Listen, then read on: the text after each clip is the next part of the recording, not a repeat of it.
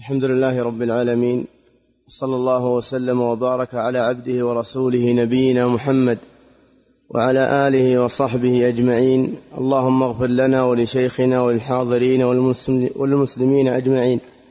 أما بعد يقول العلامة الشيخ حافظ بن أحمد الحكمي رحمه الله في كتابه معارج القبول بشرح سلم الوصول إلى علم الأصول وبعد هذا رسله قد أرسل لهم وبالحق الكتاب أنزل لكي بدا العهد يذكروهم وينذروهم ويبشروهم كي لا يكون حجة للناس بل لله أعلى حجة عز وجل فمن يصدقهم بلا شقاق فقد وفى بذلك الميثاق وذاك ناج من عذاب النار وذلك الوارث عقبى الدار ومن بهم وبالكتاب كذب ولازم الإعراض عنهم والإباء فذاك ناقض كلا العهدين مستوجب للخزي في الدارين. وبعد هذا أي الميثاق الذي أخذه عليهم في ظهر أبيهم ثم فطرهم وجبلهم على الإقرار به وخلقهم شاهدين به رسله بإسكان السين للوزن مفعول أرسل مقدم. قد أرسل بألف الإطلاق لهم أي إليهم. وبالحق متعلق بأنزل أي بين يدي الحق الكتاب. جنس يشمل يشمل جميع الكتب جميع الكتب المنزلة على جميع الرسل. أنزل بألف الإطلاق. والأمر الذي أرسل الله تعالى به الرسل إلى عباده وأنزل عليهم بهم به الكتب هو لكي بذا العهد الميثاق الأول.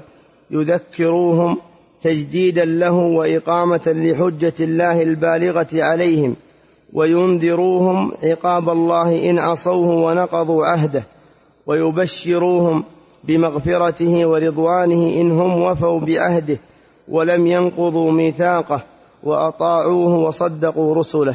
بسم الله الرحمن الرحيم. الحمد لله رب العالمين. وأشهد أن لا إله إلا الله وحده لا شريك له وأشهد أن محمدا عبده ورسوله صلى الله وسلم عليه وعلى آله وأصحابه أجمعين. اللهم علمنا ما ينفعنا وانفعنا بما علمتنا وزدنا علما وأصلح لنا شأننا كله ولا تكلنا إلى أنفسنا طرفة عين. أما بعد فبعد أن ذكر المصنف رحمه الله تعالى ما يتعلق بالميثاقين الأول الذي هو الإخراج في عالم الذر والثاني الذي هو الفطرة التي فطر الله سبحانه وتعالى العباد عليها. وتقدم ما يتعلق بكل من هذين الميثاقين. أتبع ذلك رحمه الله ببيان أن الله عز وجل بعد ذلك أي بعد هذين الميثاقين أرسل الرسل إلى العباد. ومن الحكمة في إرسالهم تذكيرهم بهذا الميثاق. الذي أخذه الله سبحانه وتعالى عليهم حينما أخرجهم من ظهر أبيهم آدم. وتجديد العهد به حتى يكونوا على الإيمان والطاعة والعبادة لله سبحانه وتعالى التي خلقهم لأجلها وأوجدهم لتحقيقها. وهي التي لأجلها بعث المرسلين مبشرين ومنذرين. مبشرين من أطاعه وامتثل أمره بعظيم الثواب وجميل المآب ومنذرين من عصاه وخالف أمره بشديد العقاب. نعم.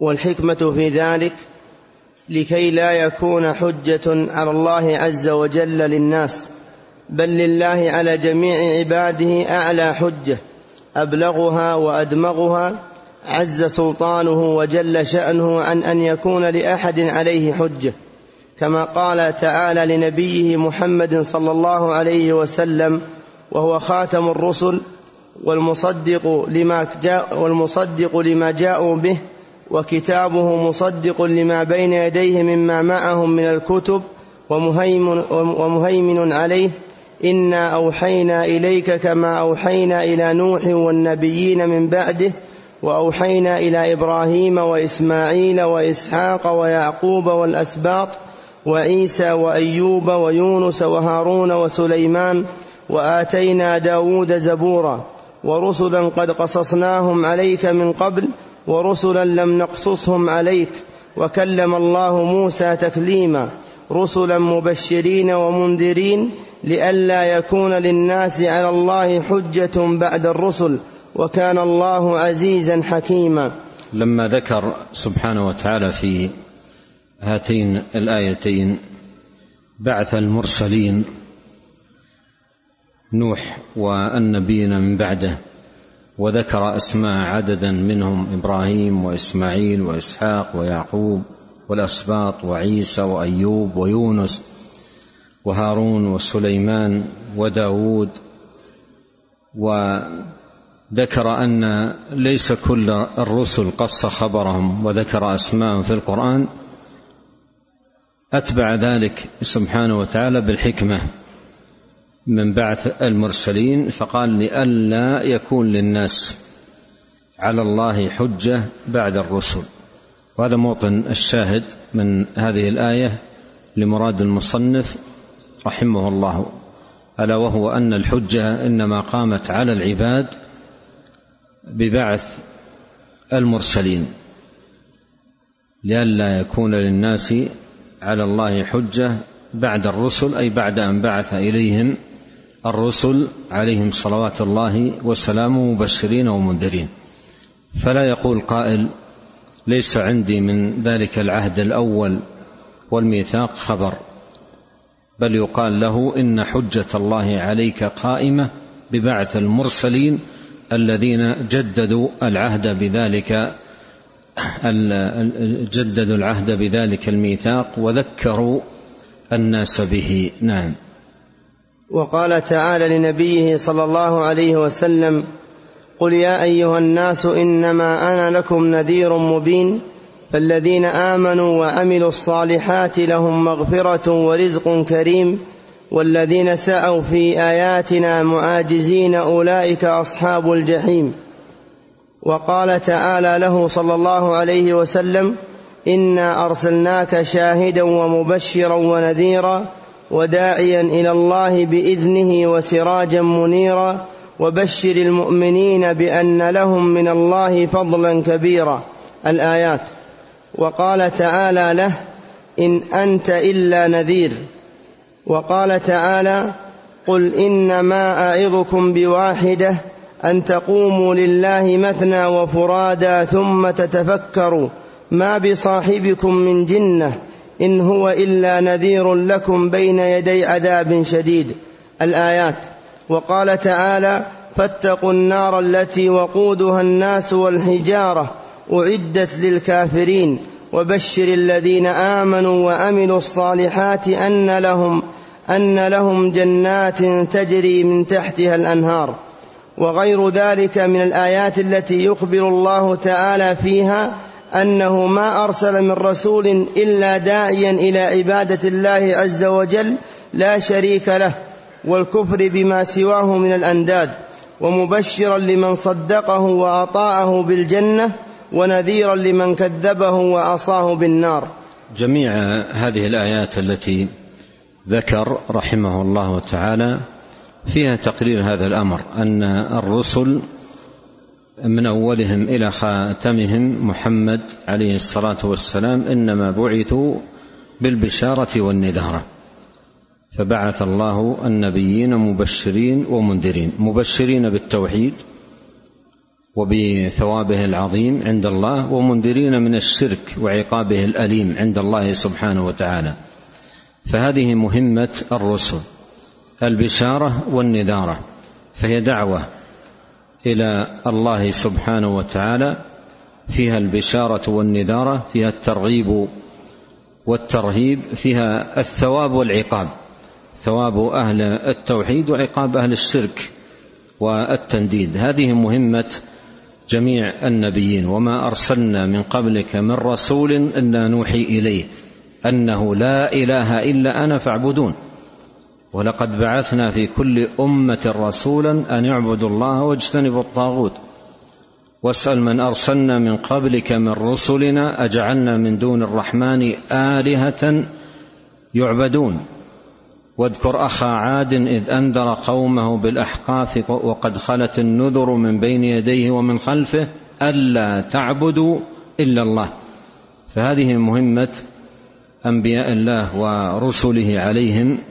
صلوات الله وسلامه بشاره ونذارة بشاره بالتوحيد وبثوابه العظيم ونذاره من الشرك وعقابه الأليم. نعم. ثم أخبر تعالى أن المراد بذلك لئلا يكون للناس على الله حجة بعد الرسل. وقال تعالى قل فلله الحجة البالغة. المراد بذلك أي ببعث الرسل دعاة إلى الله مبشرين ومنذرين المراد ببعثهم هكذا بالدعوة إلى الله مبشرين ومنذرين المراد بذلك لئلا يكون للناس على الله حجة بعد الرسل أي لتقوم الحجة على العباد. ولئلا يقول قائل ما جاءنا من نذير. ولهذا العقوبة يوم القيامة للداخلين النار أعاذنا الله اجمعين منها. العقوبة لهم تكون بعد تقريرهم ببلوغ الرسالة التي فيها الحجة.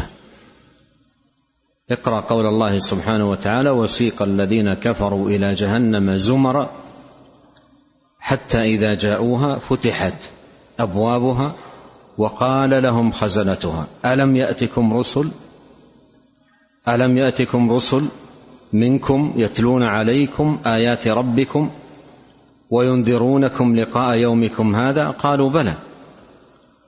حينئذ تكون العقوبة لأن الحجة إنما قامت على العباد ببلوغ الرسالة لأنذركم به ومن بلغ.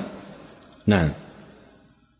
وتقدير البحث في الرسالة في الرسالة واتفاق الرسل في دعوتهم يأتي في بابه إن شاء الله عز وجل. سيأتي عند المصنف رحمه الله كلام واسع.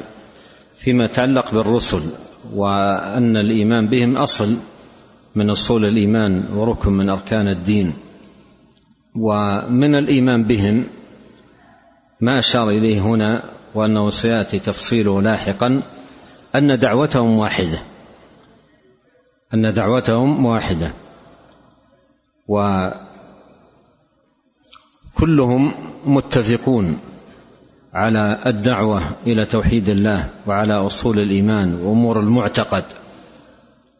فالأنبياء كلهم دعوتهم واحدة. كما قال نبينا عليه الصلاة والسلام نحن الأنبياء أبناء علات ديننا واحد. ديننا واحد. فدين النبيين واحد.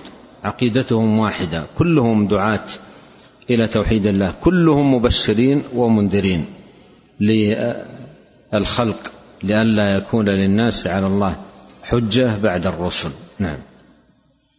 فمن يصدقهم يعني الرسل بلا شقاق تكذيب ولا مخالفة فقد وفى لربه عز وجل بذلك الميثاق العهد الأول. وهؤلاء هم القليل من الثقلين ولكن هم جند الله الغالبون المنصورون في الدنيا وحزبه المفلحون الفائزون في الآخرة. يأتي الأدلة على قلة من وفى بهذا الميثاق وهذا العهد وإلا أكثر الخلق ضلوا ولم يفوا بذلك. نعم. وجواب الشرط فذاك ناج من عذاب النار إذ لم يرتكب أسباب دخولها من معصية الله وتكذيب رسله كما ارتكب ذلك من كما ارتكب ذلك من خلق لها. وذلك الوارث عقبى الدار وهي الجنة لفعله أسبابها التي أمره الله عز وجل بها من الوفاء بعهد الله وميثاقه وتصديق رسله وكتبه والعمل بجميع طاعته تبارك وتعالى. نعم هذا ثمرة التوحيد وطاعة الرسل عليهم صلوات الله وسلامه النجاة من النار ودخول الجنة. نعم. ومن بهم أي بالرسل وبالكتاب أي الكتب التي أنزل الله عليهم ليبلغوها إلى عباده ويبينوها ليعملوا بما فيها كذب ولازم الإعراض عنه عما أرسل الله به رسله والإباء أي الامتناع. وهم الذين قال الله تعالى فيهم الذين كذبوا بالكتاب وبما أرسلنا به رسلنا فسوف يعلمون الآيات. وقال تعالى فيهم ومن أعرض عن ذكري فإن له معيشة ضنكا. الآيات وغيرها. وهؤلاء أكثر الثقلين كما قال الله تبارك وتعالى فأبى أكثر الناس إلا كفورا.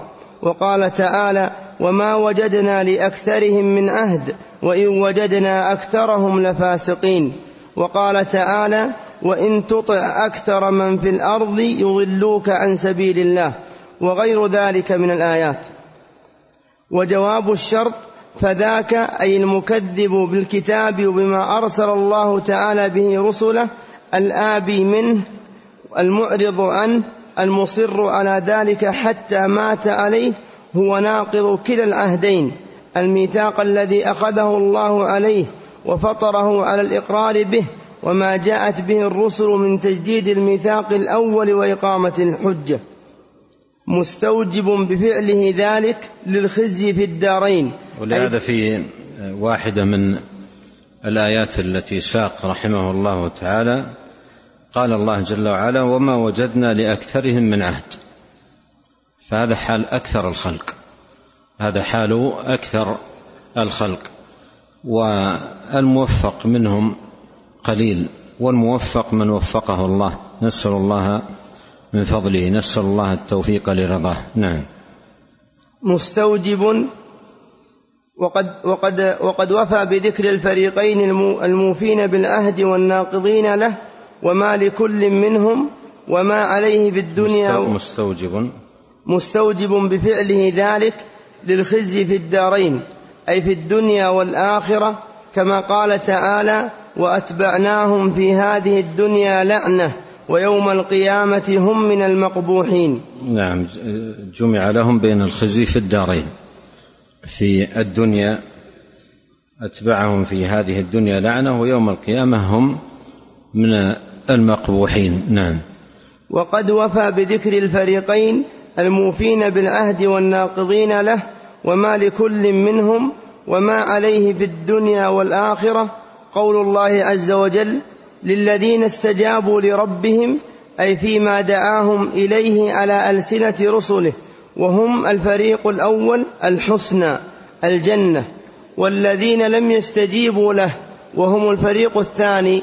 لو أن لهم ما في الأرض جميعا ومثله معه لافتدوا به أولئك لهم سوء الحساب ومأواهم جهنم وبئس المهاد.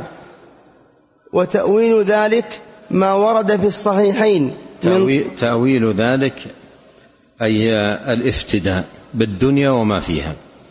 الافتداء بالدنيا وما فيها للفكاك من أجل الفكاك من عذاب جهنم يوم القيامة ما ورد في الصحيحين. نعم. وتأويل ذلك ما ورد في الصحيحين من طرق عن أنس بن مالك رضي الله عنه عن النبي صلى الله عليه وسلم قال يقول الله تعالى لأهون أهل النار عذابا يوم القيامة لو أن لك ما في الأرض من شيء أكنت تفتدي به؟ فيقول نعم. فيقول أردت منك أهون من هذا وأنت في صلب آدم ألا تشرك بي شيئا؟ فأبيت إلا أن تشرك بي. وقد كان تقدم ذكره قليلا إذا كان هذا حال أهون أهل النار عذابا. إذا كان هذا حال أهون أهل النار عذابا فكيف بمن هو أشد منه عذاب؟ لا شك أنه أحرص على الافتداء بكل الدنيا وما فيها. وهذا أيضا مما يبين هوان الدنيا. هوان الدنيا التي تتعلق بها القلوب فإنه يوم القيامة عندما يعاين هؤلاء الذين ألهتهم الدنيا عما خلقوا لاجله ألا وهو توحيد الله عز وجل عندما يعاين العذاب يقرون أنه لو كان لهم الدنيا وما فيها لافتدوا به من هذا العذاب. لكن ماذا؟ يقال لهم في ذلك اليوم يقول أردت منك أهون من هذا. وأنت في صلب آدم. ألا تشرك بي شيئا فأبيت ألا تشرك بي. فأبيت إلا أن تشرك بي.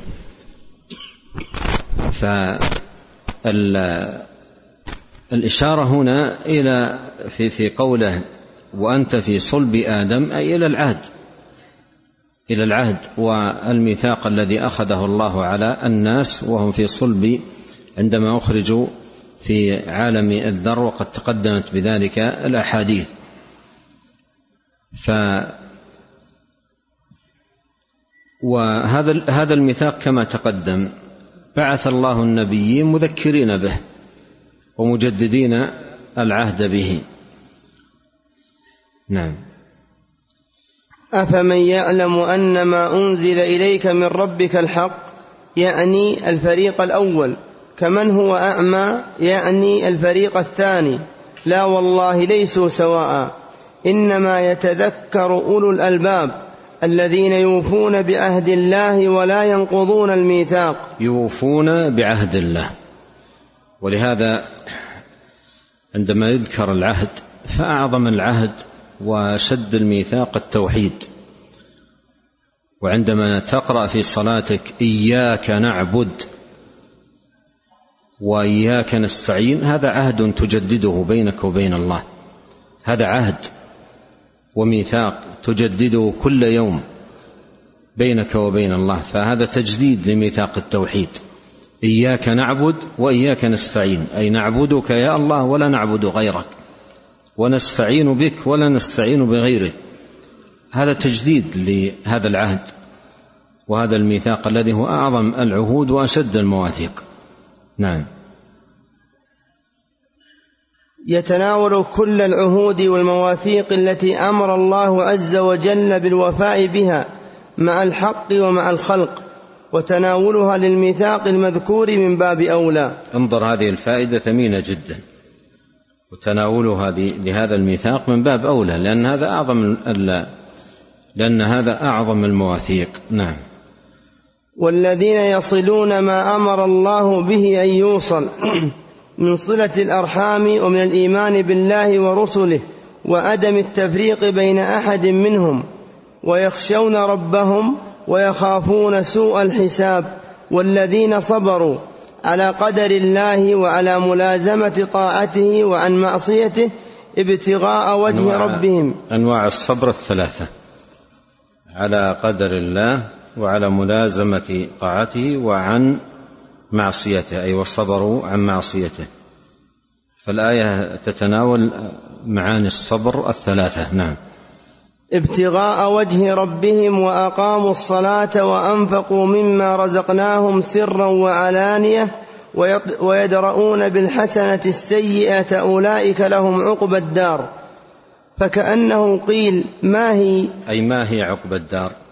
فقال تعالى جنات عدن يدخلونها ومن صلح من آبائهم وأزواجهم وذرياتهم والملائكة يدخلون عليهم من كل باب سلام عليكم بما صبرتم فنعم عقبى الدار. ثم ذكر ثم ذكر الفريق الثاني بصفاتهم السيئة وبين جزاءهم عليها والعياذ بالله تعالى فقال تعالى والذين ينقضون عهد الله من بعد ميثاقه. وأعظم هذه العهود عهد التوحيد. نعم. والذين ينقضون عهد الله من بعد ميثاقه ويقطعون ما أمر الله به أن يوصل ويفسدون في الأرض أولئك لهم اللعنة ولهم سوء الدار. فسبحان الله وبحمده ما أبلغ حكمته وأعدل حكمه ولا إله إلا الله والله أكبر ولا حول ولا قوة إلا بالله العلي العظيم. نعم يعني هنا في في قوله سبحانه وتعالى أولئك لهم اللعنة ولهم سوء الدار. في الجمع لهم بين الخزيين كما تقدم خزي الدنيا وخزي الآخرة. نعم. أول واجب على العبيد معرفه الفصل, الفصل الأول. الفصل الأول في انقسام التوحيد إلى نوعين وبيان النوع الأول وهو توحيد المعرفة والإثبات. أول واجب على العبيد معرفة الرحمن بالتوحيد إذ هو من كل إذ هو من كل الأوامر أعظم وهو نوعان أيا من يفهم إثبات ذات الرب جل وعلا أسمائه الحسنى صفاته العلى. أول واجب فرضه الله عز وجل على العبيد هو معرفة الرحمن أي معرفتهم إياه بالتوحيد الذي خلقهم له وأخذ عليهم الميثاق به ثم فطرهم شاهدين مقرين به ثم أرسل به رسل أرسل به رسله إليهم وأنزل به كتبه عليهم. إذ حرف تعليل لأولية وجوب معرفة العباد ربهم تبارك وتعالى بالتوحيد وهو من كل الأوامر جمع أمر هو خطاب الله عز وجل المتعلق بالمكلفين بصيغة تستدعي الفعل أعظم كما أن ضده من الشرك والتعطيل والتمثيل هو أعظم المناهي ولهذا لا يدخل العبد في الإسلام إلا به ولا يخرج منه إلا بضده. ولم ولم يزحزح عن النار ويدخل الجنة إلا به ولا يخلد في النار ويحرم الجنة إلا بضده. ولم تدع الرسل إلى شيء قبله ولم تنهى عن شيء قبل ضده. وهو نعم يعني قول الشيخ رحمة الله عليه أول واجب على العبيد معرفة الرحمن بالتوحيد. إن هذا أول واجب على المكلف المعرفة المعرفة بالتوحيد. المراد مراد المصنف واضح من سياق كلامه. مراد المصنف واضح من سياق كلامه أي أن أول واجب المعرفة بالتوحيد المقتضية لتحقيقه والقيام به لا مجرد المعرفة. لا مجرد المعرفة لأن مجرد المعرفة بدون العمل بما تقتضيه وتستلزمه لا يكون بها النجاة ولا تكفي في حصول التوحيد. وقد توجد المعرفة ولا يوجد التوحيد نفسه.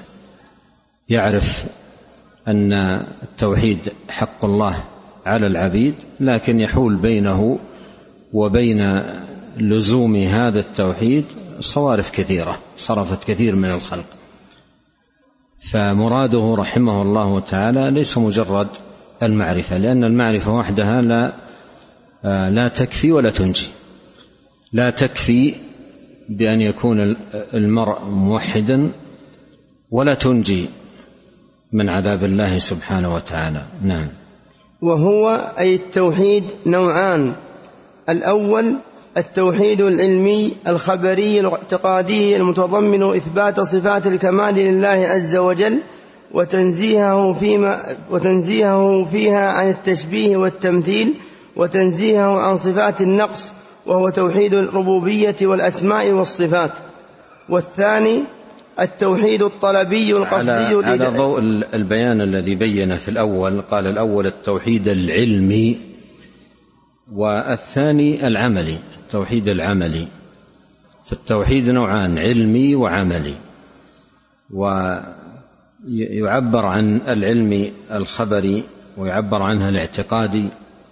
والعملي يعبر عنه بالطلب والقصد والإرادي يقال توحيد الإرادة توحيد القصد توحيد الطلب. فالحاصل أن التوحيد نوعان. التوحيد نوعان علمي وعملي. نعم.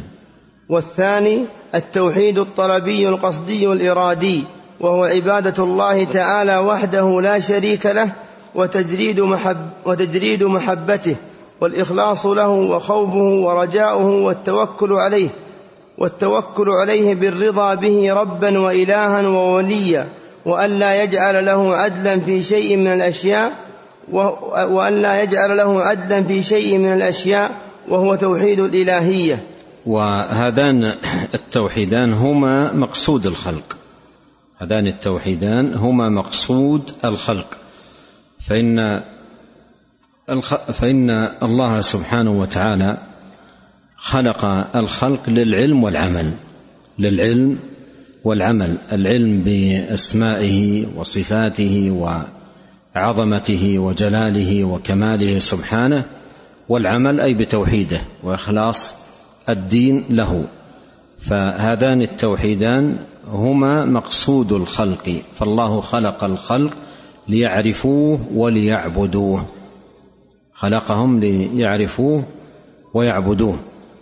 دليل الأول الذي هو العلم وأنه مقصود الخلق قول الله سبحانه وتعالى في الآية الأخيرة من سورة من سورة الطلاق الله الذي خلق سبع سماوات ومن الأرض مثلهن يتنزل الأمر بينهن. لماذا؟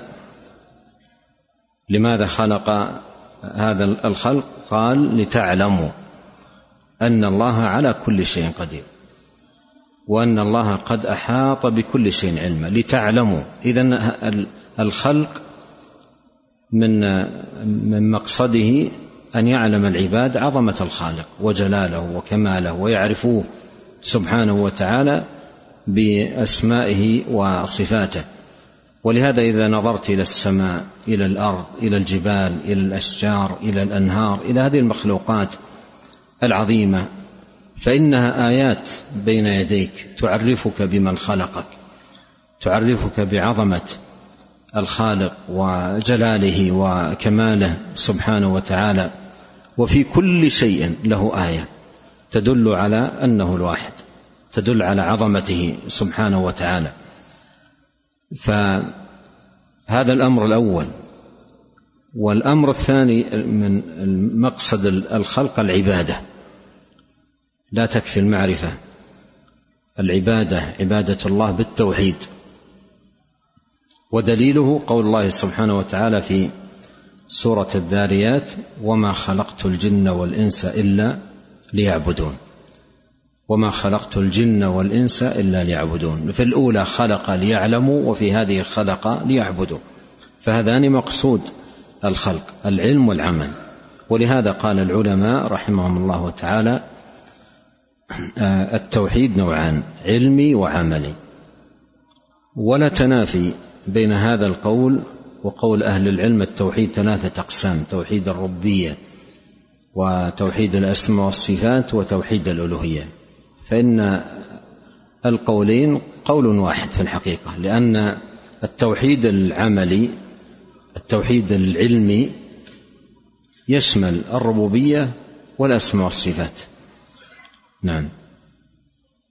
والقرآن كله من أوله إلى آخره في تقرير هذين التوحيدين لأنه إما خبر عن الله عز وجل وما يجب أن يوصف به وما يجب أن ينزه عنه وهو التوحيد العلمي الخبري الاعتقادي.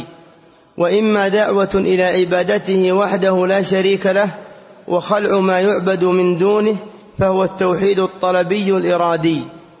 وإما أمر ونهي وإلزام بطاعته فذلك من حقوق التوحيد ومكملاته وإما خبر عن إكرامه لأهل التوحيد وما فعل بهم في الدنيا من النصر والتأييد وما يكرمهم به في الآخرة وهو جزاء توحيده.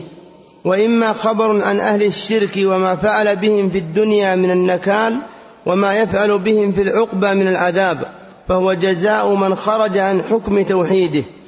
فالقرآن كله في التوحيد وحقوقه وجزائه وفي شأن الشرك وأهله وجزائهم. نعم هذا من كلام ابن القيم رحمه الله وتقريره من من كتابه مدارج آه، السالكين. نعم. اقرأ في الجمع بين التوحيدين طه ما أنزلنا عليك القرآن لتشقى إلا تذكرة لمن يخشى. تنزيلا ممن خلق الأرض والسماوات العلى الرحمن على العرش استوى. له ما في السماوات وما في الأرض وما بينهما وما تحت الثرى. وإن تجهر بالقول فإنه يعلم السر وأخفى. الله لا إله إلا هو له الأسماء الحسنى. نعم قوله الله لا إله إلا هو له الأسماء الحسنى جمعت التوحيدين. جمعت التوحيدين. الله لا إله إلا هو هذا التوحيد العملي. له الأسماء الحسنى هذا التوحيد العلمي. نعم. واقرأ في الأمر والنهي وما آتاكم نعم. الرسول فخذوه. بقي. وآية, وآية الكرسي. وقل هو الله أحد. وآية الكرسي أي أي واقرأ آية الكرسي معطوف على ما سبق. نعم. وقل هو الله أحد. وغيرها من القرآن. واقرأ في الأمر والنهي وما آتاكم الرسول فخذوه وما نهاكم عنه فانتهوا. واقرأ في إكرام أهل التوحيد في الدنيا والآخرة إنا لننصر رسلنا والذين آمنوا في الحياة الدنيا ويوم يقوم الأشهاد. واقرأ في إخزاء أهل الشرك في الدنيا والآخرة واستكبر هو وجنوده في الأرض بغير الحق وظنوا أنهم إلينا لا يرجعون فأخذناه وجنوده فنبذناهم في اليم فانظر كيف كان عاقبة الظالمين وجعلناهم أئمة يدعون إلى النار ويوم القيامة لا ينصرون وأتبعناهم في هذه الدنيا لعنة ويوم القيامة هم من المقبوحين. نعم بعد ذلك أخذ رحمه الله تعالى في بيان مفصل ونافع ومفيد جدا فيما يتعلق بالتوحيد العلمي الذي هو توحيد المعرفة والإثبات. وساق رحمه الله تعالى أدلة كثيرة مع البيان والإيضاح. ونسأل الله جل وعلا أن ينفعنا أجمعين بما علمنا وأن يزيدنا علما وتوفيقا وأن يصلح لنا شأننا كله وألا يكلنا إلى أنفسنا طرفة عين وأن يغفر لنا ولوالدينا ولمشايخنا ولولاة أمرنا وللمسلمين والمسلمات والمؤمنين والمؤمنات الأحياء منهم والأموات. سبحانك اللهم وبحمدك أشهد أن لا إله إلا أنت أستغفرك وأتوب إليك. اللهم صل وسلم على عبدك ورسولك نبينا محمد وآله وصحبه.